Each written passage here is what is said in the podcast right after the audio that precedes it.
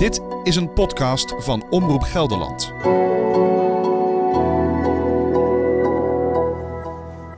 Maarten Dallinga en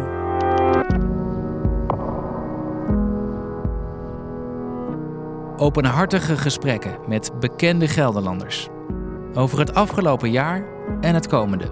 De reden dat ik juist veel over dat soort dingen zing, is omdat ik er ook geen vat op heb en moeilijk kan krijgen. En het ook heel lastig vind om met vergankelijkheid en de dood om te gaan.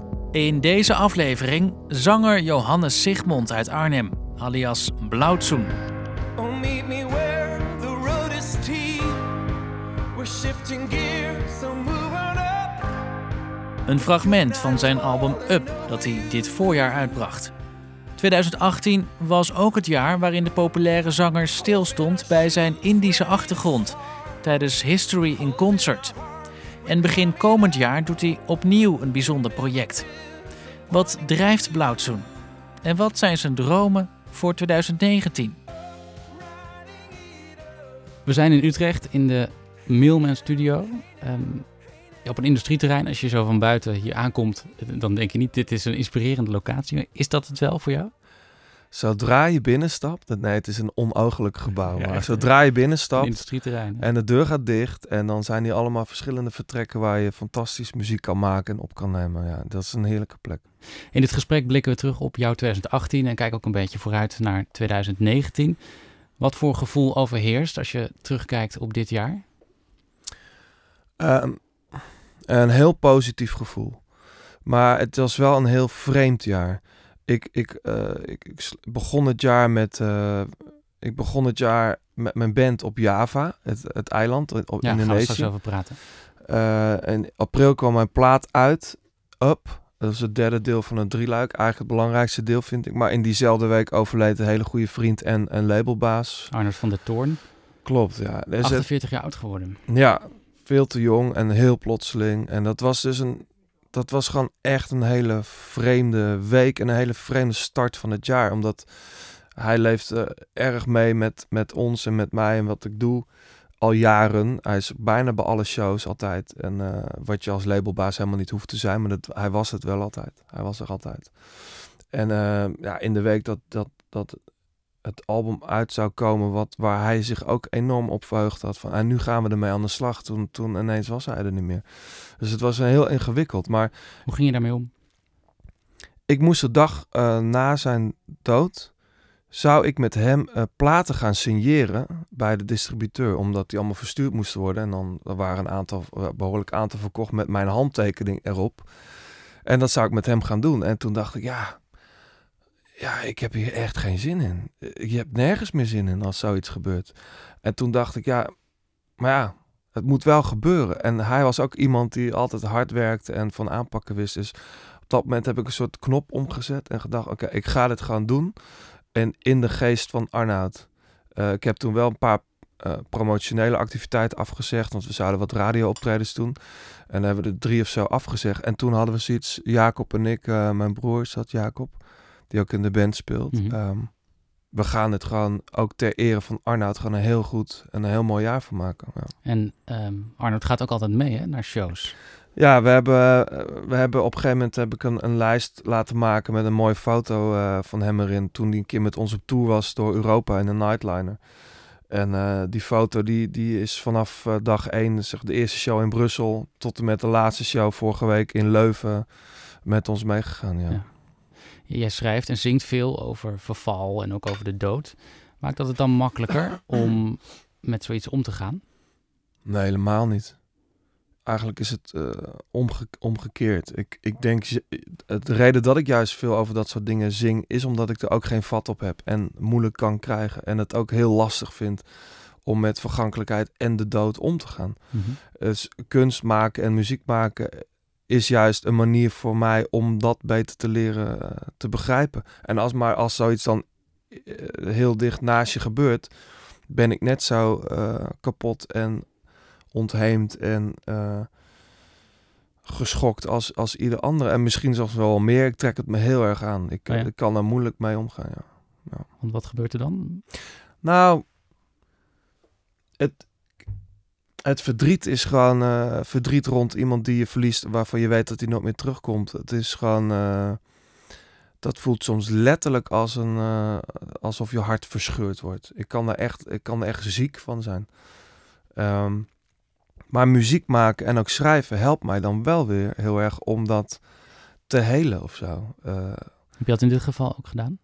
ja, en ik denk, ik denk zeker, ik, toen hij overleed, ik heb, ehm, ik heb op de herdenkingsdienst nog een liedje gezongen.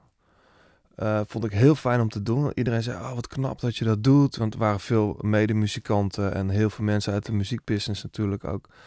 En die vonden het allemaal heel knap. Ik vond het vooral echt heel fijn. Ik dacht, ik kan nu iets doen. Ik weet je, ik kan muziek gebruiken om, om mijn verdriet te uiten en, eh, en een soort eerbetoon aan hem te maken. En daarmee ook de mensen die nu met, met mij en met, met de familie aan het trouwen zijn, eh, ook iets teruggeven of zo. Dus het voelde voor mij eh, dat muziek werkt dan heel bevrijdend of zo. Hm. Je album Up, eh, je noemde het net al eventjes, het is het laatste deel van een drieluik, ehm, Jupiter. Wat is nou fijner, ehm, zo'n proces afronden of, of er middenin zitten? Nou, kijk, ik ben het project begonnen met het idee, ik heb meer prikkels nodig. Ik wil de lat hoog leggen. Ik wil iets anders doen dan dat ik gedaan Uit de heb. sleur eigenlijk, van optreden, plaat maken. Je zit, je zit als artiest heel snel, en dat is een luxe probleem, maar je zit heel snel in een, in een soort cirkel van, je maakt een album, je bent twee jaar op tour ongeveer, en dan moet er weer een nieuw album liggen. En dat, had, dat, dat riedeltje had ik al wel vaker gedaan. Dus ik dacht, ik lijkt mij gaaf om, om veel meer instant te werken. Dus je bedenkt iets, je neemt het op, je brengt het uit en de volgende dag sta je bij wijze van spreken op het podium met te zingen. Ehm, en dat heb ik dus ook gedaan. En ik had bedacht, ik had bedacht om dat in een soort drieluik uit te brengen. Dus in een jaar tijd drie albums uitbrengen. Productie ligt dan heel erg hoog. Je moet op een hele andere manier werken. Je hebt geen tijd meer om te twijfelen. Dus de Mhm. dynamiek wordt heel anders. Maar ook terwijl je schrijft en werkt aan een nieuwe plaat, eh, ben je ook nog aan het toeren. Ook nog promotionele activiteit aan het doen. Dus dat leek me wel eens leuk. Dat was ook heel fijn. Uh, het was heel lang heel fijn. Totdat, Totdat? ik, tot, nou, totdat ik dacht van, zeker bij Jupiter Part 2, toen dacht ik, oké, ik weet nu wel hoe dit werkt. Ik weet ook dat ik kan vertrouwen op een soort intuïtie en dat ik dus tijdens het schrijven, maar ook tijdens opname en produceren, de twijfel eventjes kan uitschakelen. Want dat moet wel, anders, anders red je dat Mhm. niet. Om... Alleen toen ik eh, na een tv-show in, in Brussel eh, op de achterbank van de auto nog op de terugweg teksten aan het schrijven was. Dat moest van jezelf. Nou, omdat het de volgende dag moest ingezongen worden, omdat we het Die hier nog moesten stond. mixen, ja. Want dat heb je natuurlijk wel. Je, hebt wel een soort van deadlines. Zeker omdat de muziek die ik uitbreng ook graag op vinyl en op cd nog steeds uitbreng. En toen dat gebeurde, dacht ik, ja, dit, dit was niet helemaal het idee. En toen, ehm, na die Jupiter 2 plaat, eh, begon de tour ook weer. Eigenlijk zat er nauwelijks een pauze in. Toen dacht ik wel, bij het schrijven van de nieuwe stukken voor Up, van oké, ik moet misschien iets meer de tijd nemen. En ik merkte ook al heel snel bij het schrijven van die liedjes, dat ik dacht, die, die songs, die, die, die moet ik ook meer tijd gunnen om ze te laten groeien tot iets wat de moeite waard is. En toen ik dat eenmaal deed, zag ik ook van, ja, dit zijn liedjes die ik de rest van mijn leven waarschijnlijk blijf zingen. Dus laat ik daar niet te gehaast mee omgaan. Is de laatste plaat Up, is, is het album dan ook beter dan de eerste twee van de drie luik? Ik vind van wel. Ik vind dat van wel, ja. Eh, achteraf kan je misschien wel stellen dat deel 1 en 2 een soort studies zijn geweest voor, voor Up. Maar daar is lang niet iedereen het mee eens. Ik, ik wil ook niet daarmee die twee, eerste twee delen een soort afdoen als, eh, als, als schetsen. Maar, want ik ben daar nog steeds heel erg trots op. Maar Die zou je ik- niet in de prullenbak willen gooien. Nee, no way. Nee, ik, had ze alleen, zeggen. niet, ik had ze alleen niet kunnen maken. Ik had Up niet kunnen maken zonder die twee delen. In Up zit, zit levenslust, heb je gezegd ergens. Ehm, en in veel andere liedjes die je eerder hebt gemaakt, ehm, ja, zit wat meer zwaarmoedigheid, heb ik het idee, als ik het zo luister. Eh, van waar die omslag eigenlijk? Nou, ik denk wel dat ik met Jupiter Part 1 al een soort gez- eh, gezocht heb, of een andere manier van schrijven gezocht heb. Het is het, zeg maar niet het standaard popmuziek maken met, eh, met een couplet, een refrein, een couplet, een refrein en nog misschien een, een bridge. En dan, Mhm. Dus het is een hele andere manier van, een, van spanning opbouwen. En dat heb ik met Jupiter part 1 heel erg geprobeerd. En ook daar heel erg ervoor gekozen om ritme de baas te laten zijn. En, en bariton saxen. Dus het is, ik vind dat nog steeds mijn meest sexy plaat. Omdat het veel meer vanuit de heupen is geschreven. Ehm, en dat had ik eerder nooit echt gedaan. Dan, dan leunden de, de tracks en de, de liedjes heel erg zich...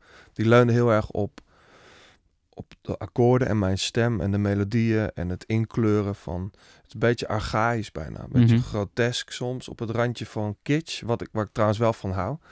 Eh, maar wel zwaarmoedig. En, Mhm. eh, en, en eerder de zwaarte opzoeken en die nog eens onderstrepen. Heeft het ook te maken met je gemoed, dat, je, dat het anders is geworden? Ja, dat denk ik wel. Eh, maar het is niet, zeg maar, je kunt het niet omdraaien in die zin van, oh ja, je maakt een vrouwelijke plaat, dus je zal, het zal wel goed met je gaan. Of je zou wel goed in je vel s- eh, Mhm. steken. Zo simpel. Ja, dat is te simpel, ja. Maar er is wel iets met je gebeurd, zeg je dan. Nou, zeker. Kijk, ik heb, eh, ehm, ik heb wel in de, in, ten tijde van, eh, zeker na Heavy Flowers, wat zeg maar een soort doorbraak was op alle vlakken. Eh, ook qua toeren. En er, er werd ineens een enorme schaalvergroting. Ging in Amerika spelen. En ehm, eh, zeker aan het eind van die tour zat ik er wel behoorlijk doorheen. En dat had niet zozeer met de drukte te maken. Of met het plezier in, in het spel. Want dat, ik, ja, ik vind dat nog steeds een van de mooiste dingen om te doen. Maar wel een combinatie van iets heel goed willen doen. Daar heel druk mee bezig zijn. eh, dat slokt alles op. Eh, en, en daarnaast ook eh, privé en in de liefde gewoon eh, niet helemaal gaan goed in, in je vel steken. Nee, En je dat- was depressief. Ja, ja dat, kan je wel, dat kan je wel stellen, ja. Hoe gaat het nu eigenlijk? Goed, goed. Ehm, maar goed, dat had ik denk ik toen ook gezegd, als je het me toen had gevraagd. Dus maar ik- zeg je dan, het zou kunnen dat als ik over twee jaar terugblik op nu, dat ik dan ook daar anders over zou denken? nee, nee, nee. Het ging toen echt niet goed met mij. Het gaat nu wel echt beter. het gaat een stuk beter. Ik, eh, kijk, soms heb je gewoon, laat ik het zo zeggen, ik heb de plaat Promises of No Man's Land echt aangegrepen, ook de- het schrijven ervan, de productie ervan en de tour, om voor een heel groot deel ehm, niet te, te dealen met, eh, met mijn somberheid. Eh, ik dacht, als we nou maar gewoon doorgaan en gewoon En negeren eigenlijk. en negeren een bepaalde manier. Kijk, het is ook weer niet helemaal zo, want in mijn teksten en in mijn liedjes ben ik, ben ik daar eigenlijk best wel open over geweest. Alleen dus nooit iemand die dat ter plekke, en zeker in die tijd, eh, dat zo letterlijk heeft genomen. Mhm. Maar er staan, En jij zelf? Toen? ik wel. Ik, ik, ik, ik, maar ik ben heel secuur in het schrijven eh, en, en, eh, van mijn teksten. En Je ik, stond er toen bij stil, maar deed er niet veel aan om, Nee. om de situatie te veranderen. Nou ja, en muziek, zeker. En het maken van muziek verdooft dan ook op een bepaalde manier wel. Maar dat is niet altijd man- een manier om uiteindelijk eh, met depressie of met somberheid te dealen. Wat is dan het belangrijkste wat je veranderd hebt eigenlijk? Nou, ik, ik, ik vind het lastig om, om al te ver in privé dingen te duiken. Maar ik denk wel dat de grootste verandering die ik heb... Ik dacht altijd al dat ik een soort van het leven leefde zoals ik dat wilde. Eh, en dat ik op een ja, genoot van het leven zoals ik dat dacht dat dat moest. En ook eh, de keuzes maakte die ik wilde maken. En het kan best zijn na verloop van tijd dat je denkt... ja, maar ik heb keuzes gemaakt waar ik gewoon niet meer achter sta. Eh, en, en soms is het moeilijk om dat nog weer om te draaien. En ik heb in bepaalde dingen, zeker ook in, op, in de liefde, heb ik hele andere keuzes gemaakt. En uiteindelijk gescheiden. Ja. Nieuwe relatie. ook, ja. Zo'n liedje als Hey Now, hè? De, de openingsnummer van Up. Ehm, dat, dat is bijvoorbeeld heel positief. Hè? Move on up, zeg je daarin. eh, zing je daarin. Ja. Eh, ga door. pak de draad weer op eigenlijk. Ehm, wat was voor jou de inspiratiebron om dat nummer te schrijven? Nou, het is wel een. Het is, dat nummer leent zich niet voor één, één uitleg, denk ik. Want ik bedoel, de tekst begint met laten we afspreken op de plek waar het het meest stijl omhoog gaat. En eh, moving up is wel, leggen we positief uit, is het ook. Zo heb ik het ook bedoeld. Maar up is wel omhoog. Mhm. En eh, dat is moeilijker dan op een vlakke weg gaan lopen of gaan fietsen. Je moet moeite doen. Je, ja, het kost je moeite. En, eh, en je komt ook dingen tegen. En je, als je up gaat, zeg maar. Dus het is niet zomaar van eh, een, een, po- een positief, makkelijk liedje. Eh, er zitten wel, er zitten wel eh, zeker textueel, is het wel iets rafeliger dan dat. Mhm. Dat is in veel nummers van jou zo, hè? Is dat Ja. ook voor jou een voorwaarde voor een, voor een goed nummer? Moet dat het in ieder geval in zich hebben? Ik vind, ik vind een goed liedje, moet ik zelf in eerste instantie maar de helft van, van begrijpen.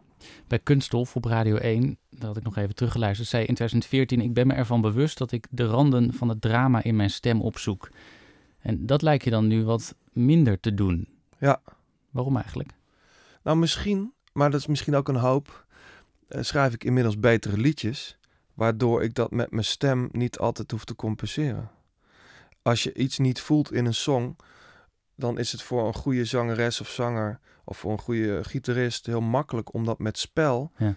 Ja, het compenseren is misschien niet het goede woord, maar om, om dat met het spel eh, wel te pakken, wat, wat de song of de compositie misschien niet heeft. In datzelfde interview bij Kunststof zei je in 2014 ook... ik, ik ben helemaal geen fan van mijn eigen stem. Eh, zelf kan ik er niet echt lang naar luisteren. Ik hoor vooral iemand die zich aan het uiten is. Niet zozeer iemand die iets moois aan het doen is. Vind je dat nog steeds eigenlijk? Daar ben ik nog helemaal mee eens. Oh? Ja, ja. Maar zoveel mensen zijn fan van je, ook van je stemgeluid. Is dat dan niet ontzettend valse bescheidenheid? Nee. Nou ja, kijk, ik weet wel dat ik iets kan.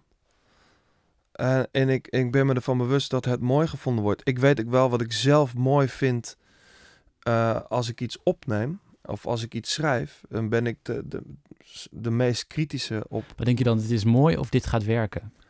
Nee, dit gaat werken denk ik nooit. Nee? Nee. Dat, dat is... Dat is wel het gevaar, kan ik me voorstellen, als je succes hebt. Dat, dat het een kunstje wordt, omdat je weet... Of, of werkt het dan überhaupt niet meer? Nou, maar ik denk wel, die uitspraak die je dan, die je dan net noemt. Ik ben bezig met het gevoel overbrengen wat, wat ik wil overbrengen. En daar gebruik ik mijn stem voor. Mijn, mijn, mijn stem is instrumenteel. Het is, het is een, een middel om een gevoel over te brengen. En dat kan met een schreeuw. Of dat kan met een hele mooie... Ik, ik kan heus wel het verschil aanbrengen tussen mooi en, Mhm. en lelijk. Alleen, eh, dat, dat speelt voor een deel helemaal niet in wat ik wil doen. Namelijk, ik wil gewoon een gevoel uit of een verhaal eh, brengen. En daar past eh, in, mijn, in, in mijn beleving dan een, een bepaald stemgeluid bij, of een bepaalde toonsoort bij, of een bepaalde, bepaald timbre in je stem. Of, eh, Nou, dat wordt dus gewaardeerd. Begin december kreeg je nog een gouden plaat. Ja. Uit handen van Jeroen Pauw eh, op televisie. Voor je album uit 2014, ja. Promises of No Man's Land. Eh, waar eh, hangt die of staat die, die gouden plaat? Hier staat er eentje in, in de studio waar we nu zitten. Maar die heb ik Ingepakt. vorig jaar. Die voor mij, deze heb ik zelf overhandigd, overhandigd aan Martijn Groeneveld, de, de co-producer van die plaat. En eigenaar van deze studio. Maar hij heeft Wat nog betekent zo'n gouden plaat voor jou? Eh, heel veel. Eh, het is voor mij geen, geen dingetje, eh, geen tierenlantijntje of zo. Ik vind het heel... Het, ehm, het staat voor... ja, het is gewoon een, een, het, is, het staat voor de waardering die je, die je hebt gekregen voor iets waar je heel hard aan gewerkt hebt. Dus ik ben daar heel trots op. Je bracht dit jaar niet alleen je album Up uit. Ehm, je deed ook een clubtour en stond op festivals, Pinkpop, Lowlands, Siget bijvoorbeeld. Wat was het mooiste optreden? We zijn begonnen in Brussel. Dat was in de week dat eh Arnet van der Toorn overleed. En daar heb ik hem nog zien staan. Echt. Ik zag hem echt staan, constant. Oh ja? dat, dat kon natuurlijk helemaal niet. Eh, dus dat is me heel erg bijgebleven. Eh Pinkpop was vijf jaar geleden dat ik daar eerder stond.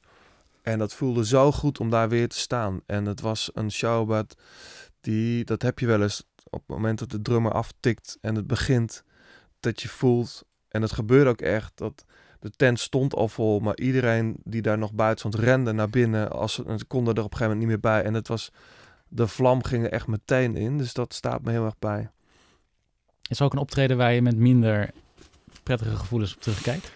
Ehm, ja, er zijn. Kijk, we we spelen zoveel. Er is wel eens een clubshow dat je denkt. Het publiek wat hier naartoe komt, wil wel begrijpen wat we aan het doen zijn op het podium. Maar vat het niet echt. Hm. En is ook niet echt ontvankelijk. Waar merk je dat aan? Doordat er geen respons is. En ik, ik ben inmiddels wel zo ervaren dat als een zaal, als er niet wordt meegedanst, niet wordt meegeklapt of meegezongen, dat ik dan nog steeds kan zien of die zaal eh, mee is in de show. Eh, eh, vorige week speelden we in Leuven.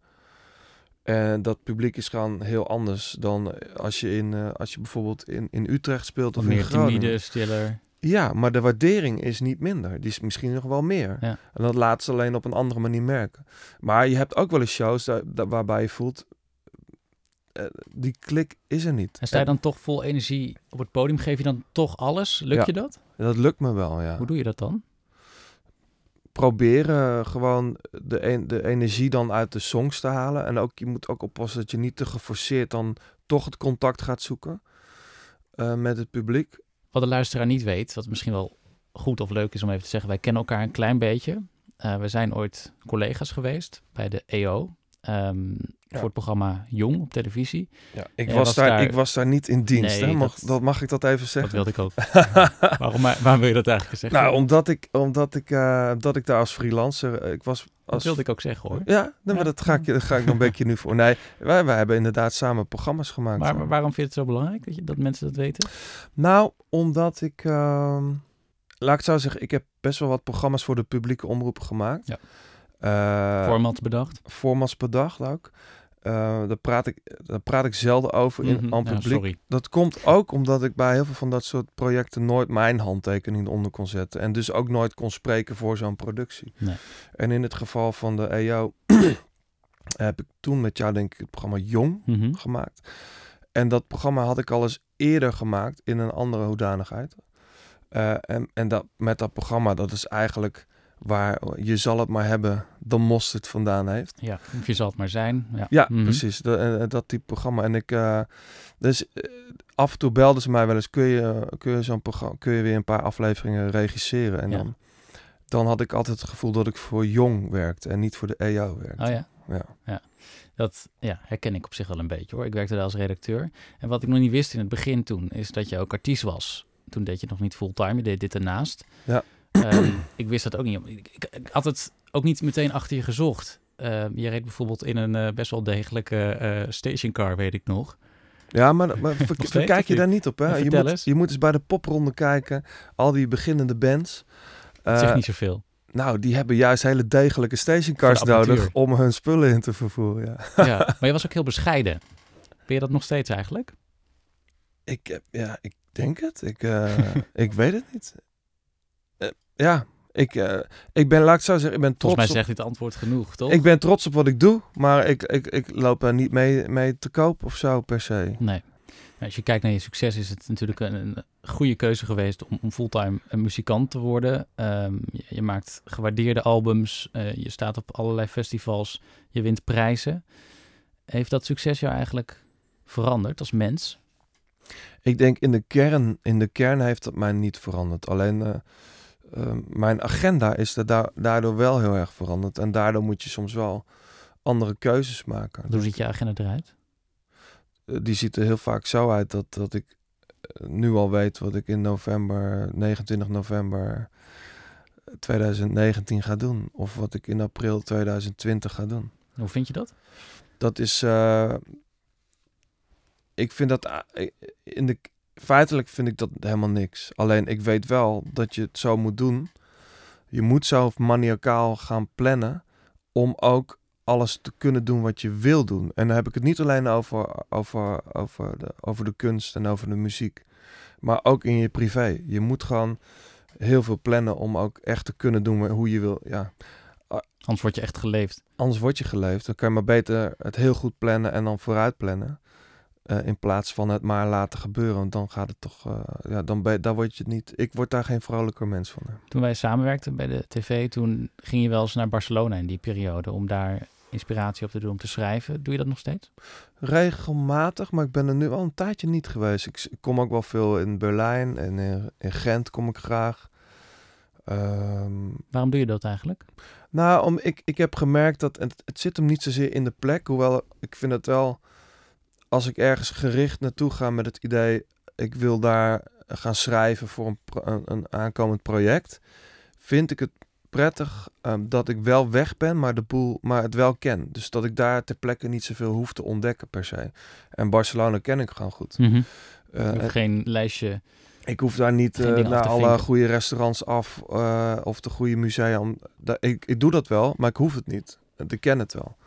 En dat vind ik fijn. Dus het is ook een, vorm van thuiskomen. Aan de andere kant ehm, zit hem juist in het weggaan van, vanuit Nederland zit al enorme, daar zit een enorme creatieve kracht. Dat weten denk ik veel, veel schrijvers wel. Dat zodra je weggaat, zit het in het weggaan, daar ontstaat iets, er sta, ontstaat ruimte in je hoofd, waardoor je, weet je wel, ik, stel dat je richting Schiphol gaat om daar een vliegtuig te pakken en je moet daar vier uur hangen, dan is er al zoveel gebeurd. Mhm.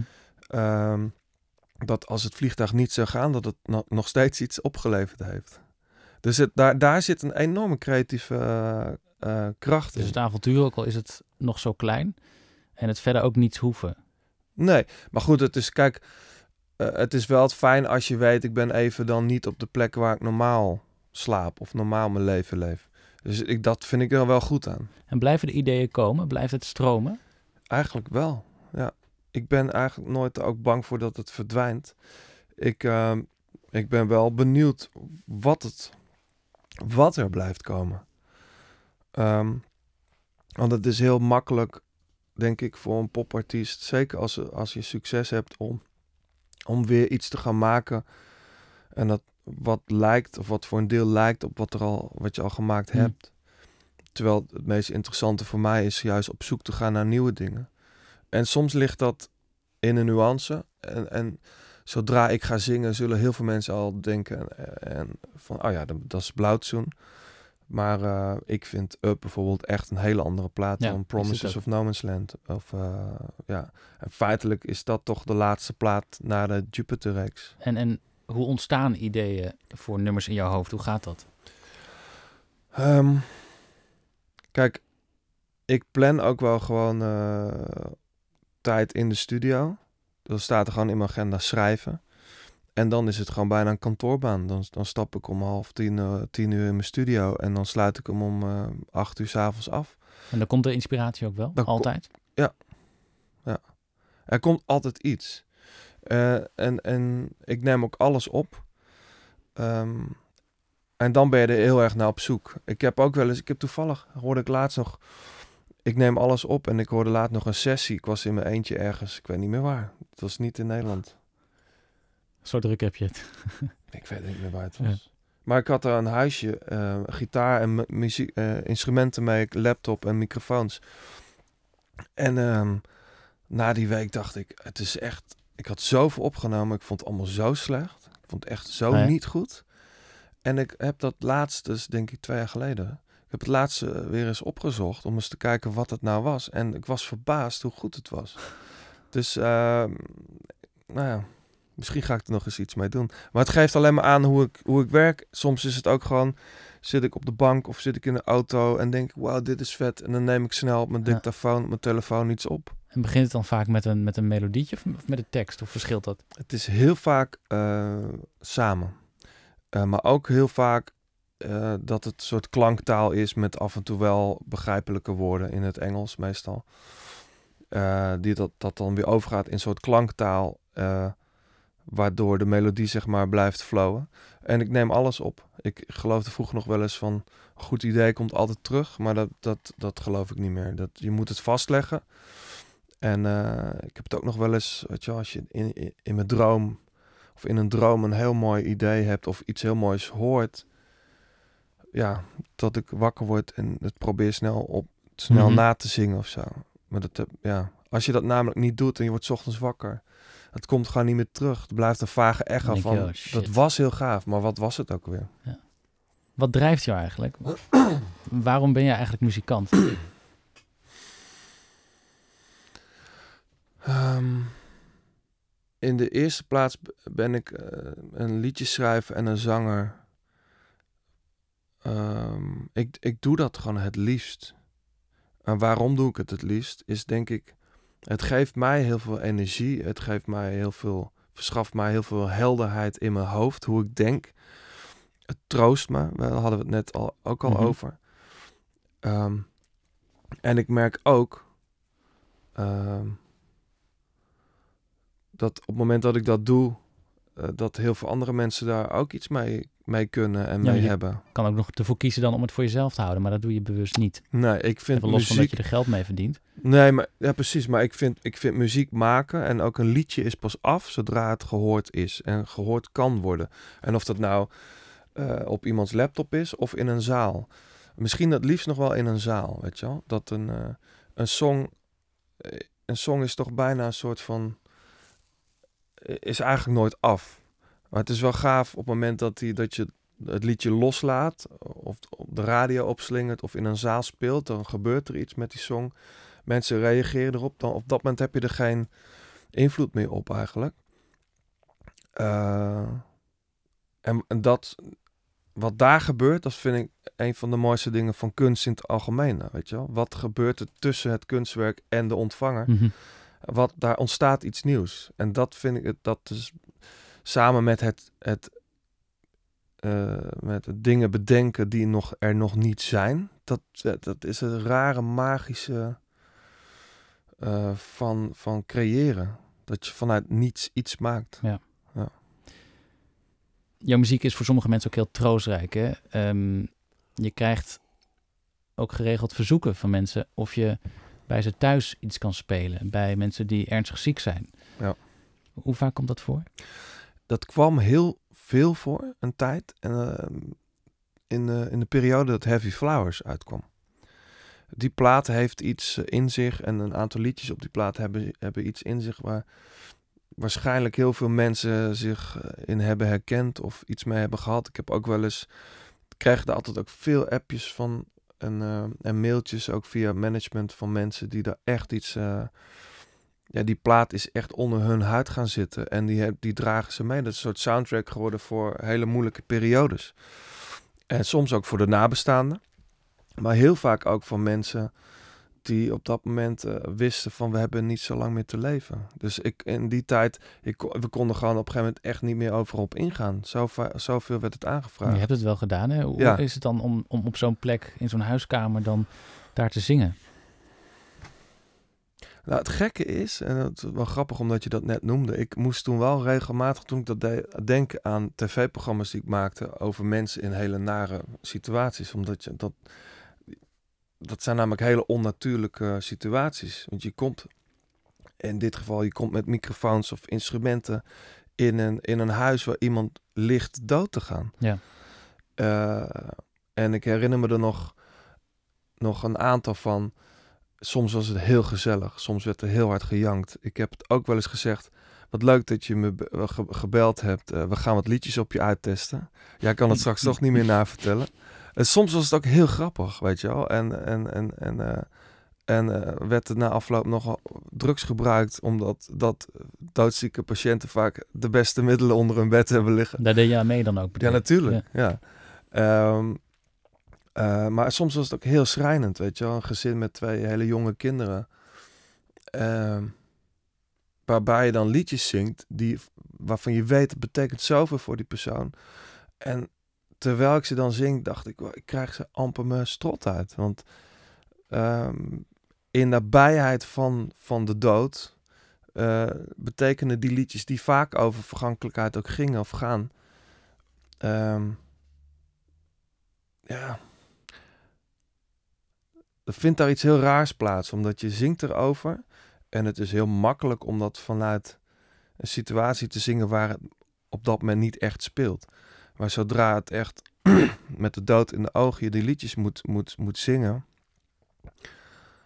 dan is.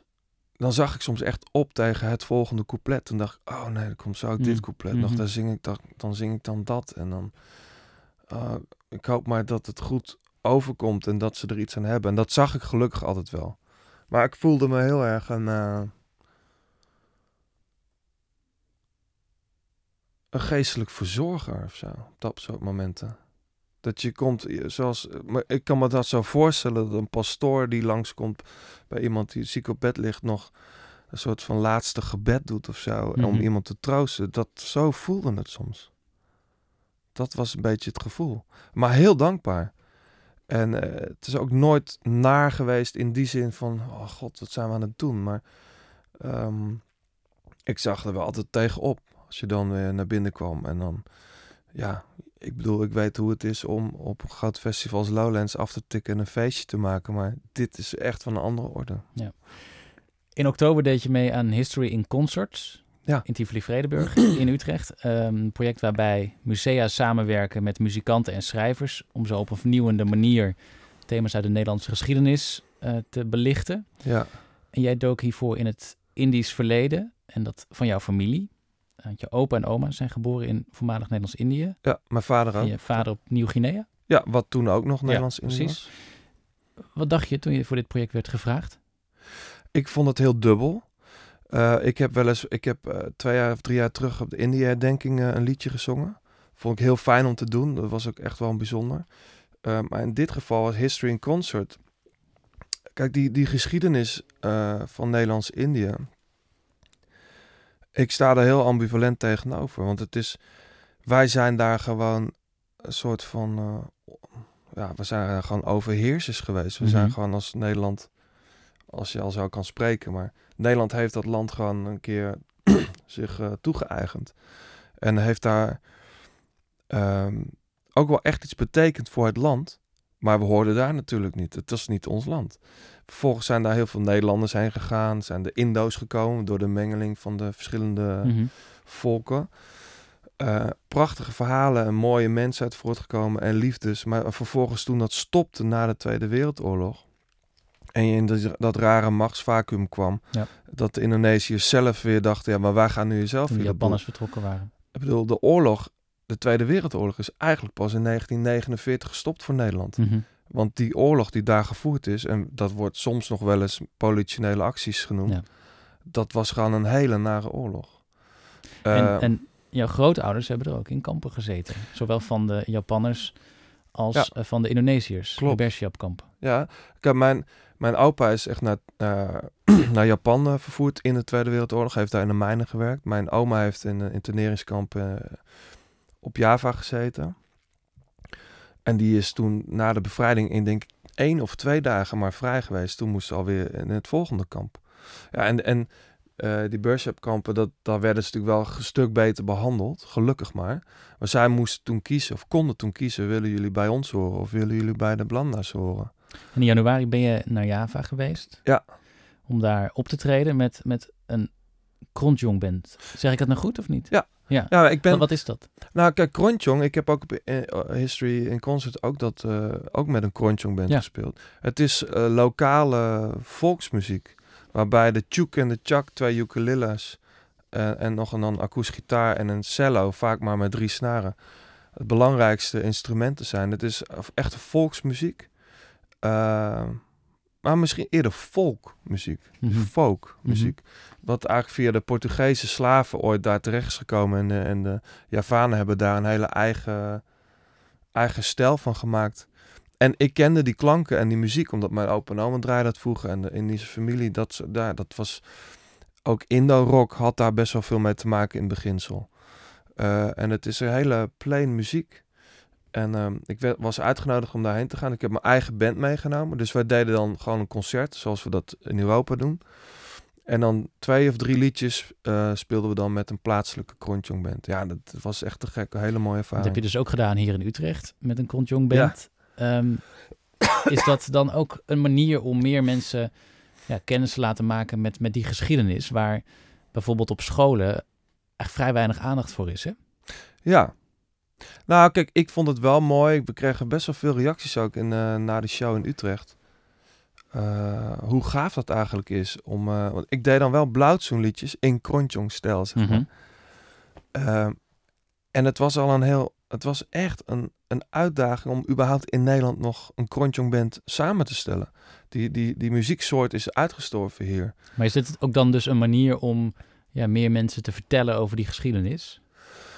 Ja, hoewel bij History in Concert vond ik het vooral fijn om het verhaal van mijn grootouders te vertellen.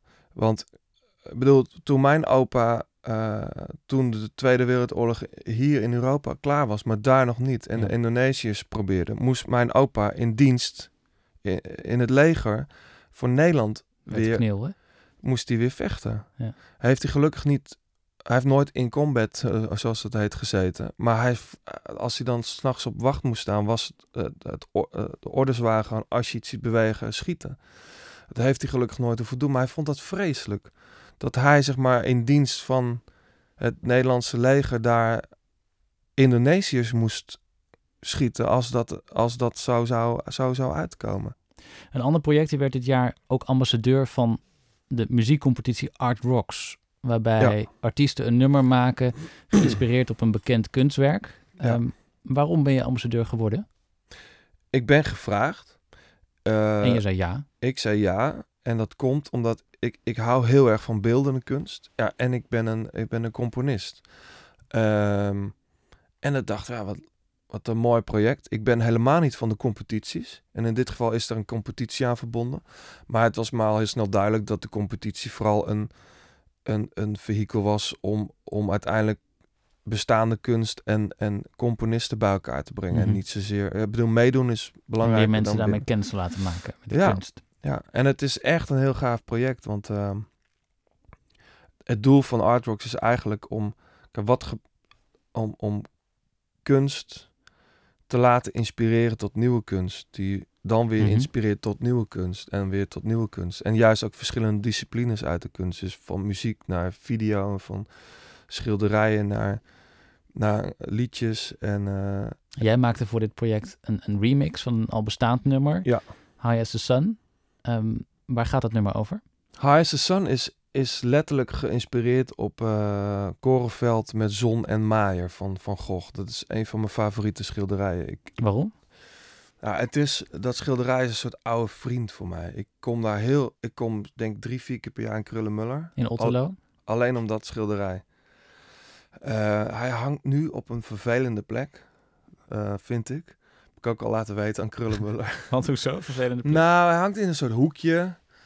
Eh, ik, ik vond dat altijd... Er is een tijd geweest, ze hebben dat nu weer omgedraaid. Dat moeten ze ook af en toe doen. Er is een tijd geweest dat als je dan in, in, de, in de Van Gogh gedeelte kwam... dan ging je linksom. En dan had je de oude Van Gogh. En dan liep je met de bocht mee naar rechts. En dan kwam je in, eh, in 1890 en 89 zo terecht. En dan eh, een van de laatste schilderijen was dan dit schilderij. En dat- zo hoort het ook volgens Komt het 1889, hè? Deze. 1889, ja. Ja. Ja. En eh, nou, ik, ik vind de magie van dit schilderij is, zijn de, is, is de kleur geel en de zindering die je ziet van de hitte. Het is een soort tafereel met een Provençaals landschap met bergen en de zon. En ehm, korenvelden die op het punt staan eh, te, ga- gemaaid gaan worden. Ehm, en de zon is fascinerend mooi geschilderd. Je ziet ook de, de, de, het dikke verf erop liggen. En als je er lang naar kijkt, is het bijna hallucinerend. Je kan er bijna in verdwijnen. En dat was het uitgangspunt voor, voor, voor die song. Ehm, En als je dan voor staat, hè, voor het schilderij, hoe lang Ja. sta je er dan te kijken? nou, ik heb... Kijk, als het rustig is en de beste dag, eh, dat is trouwens binnenkort. Moet je misschien niet zeggen. Maar... Ja, ik zeg het wel. Ik, ik, kan, ik kan zelf niet. maar het is een dikke tip. Oudjaarsdag. Dan denkt iedereen... eh, het museum zou wel dicht zijn. Maar het is gewoon open. Dan, eh, dan kun je, heb je bijna het museum voor je alleen. Maar ja, ik, ja, soms sta ik er een kwartiertje voor. Soms, soms maar een, een minuutje. Maar het is nooit... Het is meer zoals op een feest, weet je. Je komt binnen, je ziet al die schilderijen. En ik, ik hou heel erg van het terloopse. Dus gewoon rondlopen. En dan kom je er wel vaker langs. En soms blijf je er dan eens vijf minuten voor. En dan bij een volgende rondje loop je er nog eens langs. Maar ik heb er wel heel veel minuten voor gestaan, ja. Zoals als dit schilderij een vrouw was geweest, dan had je er wel een relatie mee gewild. Wel intens, denk ik, hoor. Het is, ik weet niet of ik een vaste relatie mee zou Ik weet niet, laat ik het zo zeggen, ik weet niet of ik ermee zou gaan samenwonen. Nee. Maar het Maar zou een zeker. belangrijk, seks zeker. Het zou wel een belangrijke vrouw, denk ik, zijn in mijn leven. Ja. ja, je deed dus, dus een project rond geschiedenis dit jaar en een project rond kunst. En begin 2019 sta je op het podium met Amsterdam Sinfionetta, een klassiek strijkorkest. Ja, als je het zo optelt, zijn allemaal uitstapjes, ehm, zijn er best veel achter elkaar. Is dat, is dat toeval of zit er een gedachte achter? Nou, kijk, in dit geval als je zo'n tour met eh Sinfonietta doet, Amsterdam Sinfonietta, heeft elk, elke januari hebben ze zo'n tour breder dan klassiek. Vorig jaar waren ze met Typhoon op stap. Mhm. Ze hebben dit ook wel eens met Wende gedaan, met Rufus, eh, Rufus Wainwright. Eh, het idee is dan wel altijd dat de agenda na die tour en daarvoor aan de lege kant is. Ja, dat is gewoon moeilijk in mijn geval. Dus ik heb dus de laatste clubtour die ik de vorige week heb afgesloten in, in steden gedaan waar ik niet met, met Amsterdam Sinfonietta kom. Dus, maar ehm, het, het zijn allemaal ja, projecten die het doel hebben om, om iets over te brengen. Ehm, een bepaalde inhoudelijke boodschap. Of mensen warm te maken voor iets wat ze nog niet kennen. Speelt oh, dat je bedoelt voor met jou? art rock? met Ja, al dat kunst, soort- geschiedenis, Oh, zo'n nu klassiek. Ja, als, als je het nu zegt, inderdaad. Was je zelf nog niet Wat eh, een van? propagandist ben ik. Nee, ik heb er nooit zo naar gekeken eigenlijk. Ik dacht, misschien zie jij muziek dan ook als een middel om, om mensen, om, om de wereld van mensen te vergroten. Nou, kijk, in het geval van History in Concert en, en Art Rock zeker. Dat vind ik het belangrijke eh, thema's om mee bezig te zijn en, en mensen daarachter te krijgen. In het geval van eh, de tour met Amsterdam Sinfonietta is het voor mij gewoon, of gewoon, is het voor mij muziek maken eh, op, een, op een manier die ik nog nooit gedaan heb. Zeker niet avondvullend. Wat kunnen we verwachten? Nou, het wordt, een, het wordt echt een, een, een avondvullende show met en klassiek, klassieke muziek. Ehm, ik ga ook klassiek zingen. Ik ga eigen blauwsongs doen, maar in een heel ander jasje. Maar ik ga ook liedjes van Serge Gainsbourg doen, dus in het Frans. Ik ga eh, een liedje van Nirvana doen. Ik had voor dit gesprek eventjes contact met Willem de Bordes. Spreek zijn naam goed uit? Ja. Artistiek leider van Amsterdam Sinfonietta. Ehm, en hij schreef, het is erg leuk om met Johannes samen te werken... omdat hij wijd open staat voor andere muzieksoorten. Muzikanten en experimenten niet schuwt. Hij is een wandelende encyclopedie, kent heel veel muziek... en ook is hij bij alle sessies opvallend goed voorbereid. Ik denk dat ons programma hem misschien ook wel een beetje van een andere kant laat zien... We creëren soms een grote mate van intimiteit en de stem van Johannes klinkt daarin soms onverwacht teder. En die kant van zijn stem vind ik heel krachtig en spreekt me erg aan. Hij is vol lof.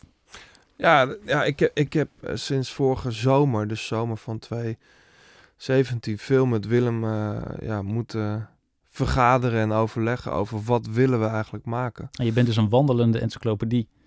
Nou ja, ik, ik weet veel, eh, veel van muziek en ik ken veel muziek, verschillende muziek en artiesten. En op andere vlakken weet ik, denk ik, een heel klein beetje van heel veel dingen. Ja. Dat is toch mijn journalistieke achtergrond. dan. Eh, de tour is van 5 tot en met 19 januari hè, eh, door het land. Met Ja, Amsterdam 5 Symfonietta. januari beginnen we. We komen in Arnhem. Voor het eerst voor mij in uh, Muzies. Dat, eh, dat, mijn moeder het vroeger altijd over. Muzies Sacrum heette toen nog. Is dat dan extra speciaal eigenlijk omdat je daar vandaan komt? Nou, ik vind het Arnhem sowieso wel fijn om te spelen. Dat heb ik met Luxor Live ook altijd. Dat voelt wel... Nou, nou zijn er een aantal steden, steden in Nederland die voelen als thuis. Uh, maar Arnhem is daar zeker één van. Ja. Wat zijn je plannen eigenlijk voor de rest van het jaar? Uh, me kapot vervelen. dat denk ik niet. Nou, ik, ik blijf wel bezig, maar ik ga niet zoveel meer spelen. Ik heb, oh nee? Nee. Ik heb me echt voorgenomen om uh, volgend jaar echt te wijden aan nieuwe dingen schrijven, nieuwe dingen bedenken, nieuwe dingen maken. Dus je gaat je wat meer terugtrekken? Ja, zo zou je het kunnen noemen. Ik blijf wel, ik ga wel wat festivals doen. Uh, dat vind ik ook veel te leuk om te blijven doen. Dus ik zal ook zeker wel wat festivals uh, gaan doen, maar, maar ik ga niet uh, 150 shows doen en, en, en, en, en heel veel Europa in. Of, maar zeg je daarmee dan ook, ik had het dit jaar eigenlijk net iets rustiger aan moeten doen? Nee, ik denk eerder dat het hele Jupiter-project met drie albums, uh, met drie, ja, al, laat ik het zo zeggen, het, het Jupiter-project is in eind 2016 begonnen. En het is nu eind 2018. Ik heb twee jaar lang um, um, constant gewerkt in de studio en op de bühne. En die combinatie, uh, ja, dat, dat is nu wel een soort van even klaar of zo. Ik, ik vind het wel fijn om even terug te gaan naar, oké, okay, we hebben nu een periode om te schrijven. En nu een periode om, om nieuwe dingen te bedenken. En als dat die periode klaar is, dan ga ik weer iets opnemen. En heb je al een idee wanneer een Nee. nieuw album verschijnt? In ieder geval niet volgend jaar. Oké. En is internationaal doorbreken, verder internationaal doorbreken, moet ik eigenlijk zeggen, een ambitie van je? Ja, zeker wel. Ben je daarmee bezig? Ja, ik ben, eh, kijk, we hebben een aantal hele mooie stappen gezet, zeker in Europa. In Amerika het even geprobeerd. Mhm. En dan kom je toch al snel achter dat wil je daar echt slagen, moet je daar echt langer zitten, maar ook er meer tijd en geld in steken.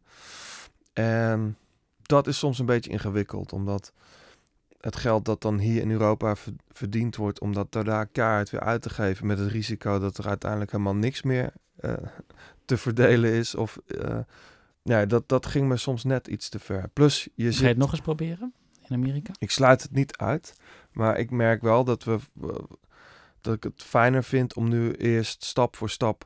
Een, een, een hip-hop producer vroeg altijd: zorg eerst dat je, dat je in de straat, zeg maar, de bom bent. Weet je wel? En dan in je eigen wijk, dan in je eigen stad.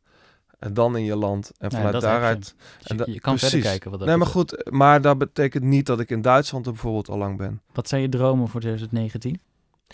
Het lijkt mij mooi om in een relatieve rust, zeg maar, aan eh, de basis te leggen voor, voor eh, een heel nieuw hoofdstuk Blauwtsoen.